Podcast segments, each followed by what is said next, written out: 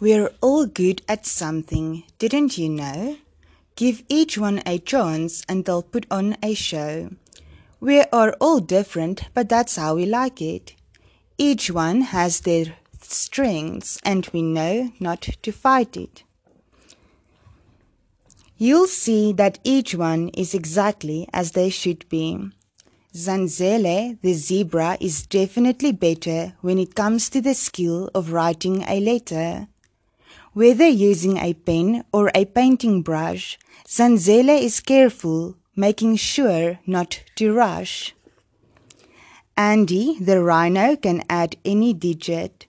Movement's his thing, as he often will fidget. If it's jumping to 10 or spinning to 8, Andy can do it. With numbers, he's great. Cooking is the thing that Edgar loves most. I'm sure you'd enjoy his fried lettuce on toast. Or perhaps you'd like his wobbly jelly, made with creamy blue cheese, so it's definitely smelly. Rachel, the giraffe, is so good at beading. Not only that, but she simply loves reading. Rachel can always be seen with a book, often tucked away in some cranny or nook. Mbali the elephant is best with a ball. Mbali is goalie. It helps that she's tall. She's the star player on the soccer team. She's also quite talented on balancing beam. Parker, the porcupine, is so kind and caring, and when it comes to art class, he is definitely daring. If someone is hurt or just feeling down, Parker's kind ways get rid of a frown. Potions and chemistry are loved by Cebu. He'd happily create an explosion for you. If it's science or chemistry, Cebu is first in line, full of curious questions each and every time. Our teacher is also one of a kind. She's a little forgetful, but we don't mind.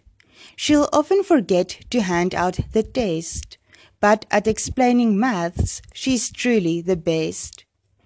Everyone's talents are too hard to measure. Our uniqueness is certainly something to treasure. Rules Always do your best. Number two, be yourself. Number three, care for others. And number four, don't be jealous. There is something else you won't find here.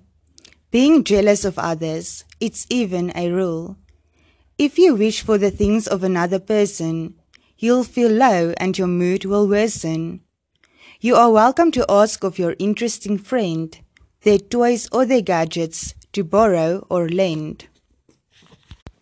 But if they're unwilling to part with their stuff, please don't forget that your things are enough. There are others around with no toys, not any.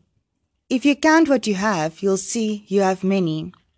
But things aren't important at the end of the day. When differences rule, we can all shout, Hooray! Animal facts Ostriches' eyes are bigger than their brains.